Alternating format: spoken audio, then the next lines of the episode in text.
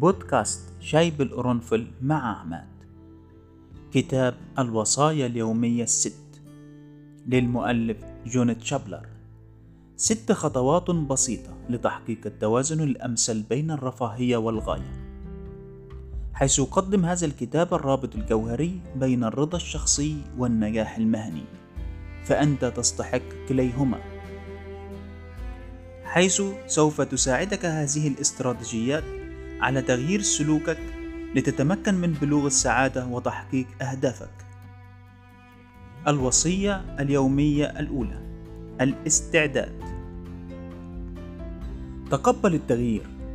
واجه مخاوفك. اقلع عن السلوك المتحكم. ركز على نجاح الآخرين.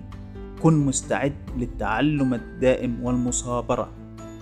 إن الاستعداد هو الخطوة الأولى نحو العثور على معنى أعمق للحياة وكذلك هو مرحلة إعداد التربة لغرز بذور النمو الشخصي.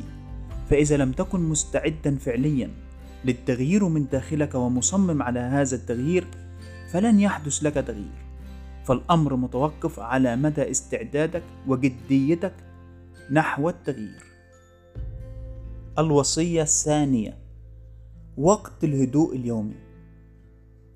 تحتاج أن تخصص وقتا يوميا للتأمل. واظب على ذلك يوميا وسوف تتعلم كيف تصل إلى مركز الهدوء بداخلك. وبعد ذلك ستتمكن من العودة إليه عند الحاجة في أي وقت من اليوم. سيمنحك وقت الهدوء اليومي الفرصة لتوجيه قلبك في الاتجاه الصحيح والسماح لك بمواصلة حياتك. وهذا الهدوء اليومي ممكن أن يكون عن طريق التأمل أو سماع موسيقى أو قراءة كتاب تحبه أو المشي أو اليوجا. فأيا كانت الطريقة التي تحبها يجب أن تخصص وقت يومي لكي تفعلها وتستطيع أن تبدأ في البداية بدقيقة أو اثنين على الأقل وعلى أن يتم زيادتها تدريجيا إلى أن تصل لوقت يسمح لك بالهدوء والصفاء والراحة مع النفس. حيث سيساعد هذا الوقت على إزالة الخوف والتفكير السلبي ويعطيك أفكار إيجابية وطمأنينة وراحة للنفس من خلال الاستمتاع بالطبيعة وأن الحياة لا تستاهل كل هذا التوتر. الوصية الثالثة العطاء. بالعطاء تصل إلى سبل جديدة كل يوم للتواصل.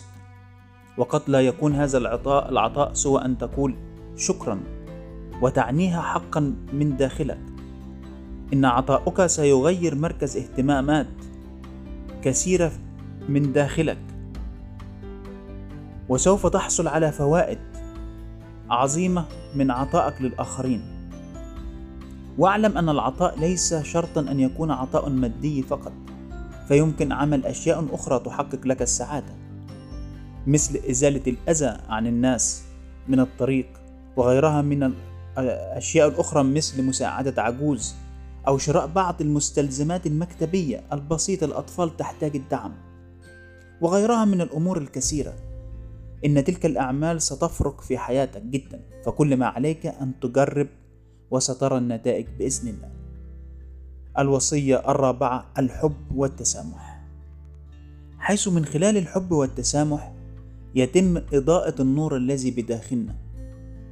بالحب سوف تبدأ في استيعاب احتياجات شخص آخر واعتبارها على القدر نفسه من الأهمية كاحتياجاتك أنت نفسك. وبالتسامح سوف تبدأ في التحرر من الغضب والاستياء والخوف من شأن التغيير. بالحب سوف يجلب إلى حياتك المزيد من السعادة وسوف يضفي عليك التسامح السلام الداخلي. واعلم أن القوي هو من يملك صفة التسامح ومن خلال الحب والتسامح ستتخلص من فكرة الانتقام. وسيحدث شفاء لك من الكره والغل والانتقام. فهما الأضاء فهما الأداة العاطفية التي تستطيع أن تشفي الجسد من شظايا الانتقام والإساءة. واعلم أن الحب يخلق التسامح والتسامح يخلق القبول والقبول يخلق الامتنان والامتنان يخلق لك السعادة. الوصية الخامسة الامتنان. حيث يجعلك الامتنان تشعر بالفضل تجاه كل شيء على الدوام. عندما تكون ممتنا سوف تسفر جهودك عن حياة أكثر إيجابية. ما من طريق مباشر للسعادة وإنما عليك المرور من خلال طريق الامتنان لبلوغ هذه السعادة وهذه الغاية. فمن خلال الامتنان سيتحقق السلام الداخلي. ستتحسن حالتك النفسية لأنك ستعرف أن الله أعطاك نعم كثيرة وتستحق هذه النعم الشكر لله والامتنان يوميا عليها. فعليك أن تحب ما تملكه عندما لا تملك ما تريد واعلم أن الشكر على القليل يجلب لك الكثير. الوصية السادسة. التنفيذ. قد تشعر بقدر كبير من الرضا في التحليل والتخطيط والتأمل لكن التغيير لا يبدأ إلا عندما تأخذ الخطوة الأولى للتنفيذ حيث الخطوة الصغيرة لها أهمية. إذ أن التغيرات البسيطة المستمرة تحول الأفكار العظيمة إلى نتائج مذهلة. واعلم أن طريق التغيير ليس سهل ولكن عليك أن تقرر وتبدأ بخطوات فعلية. ولو بسيطة ومع مرور الوقت ستصل إلى هدفك.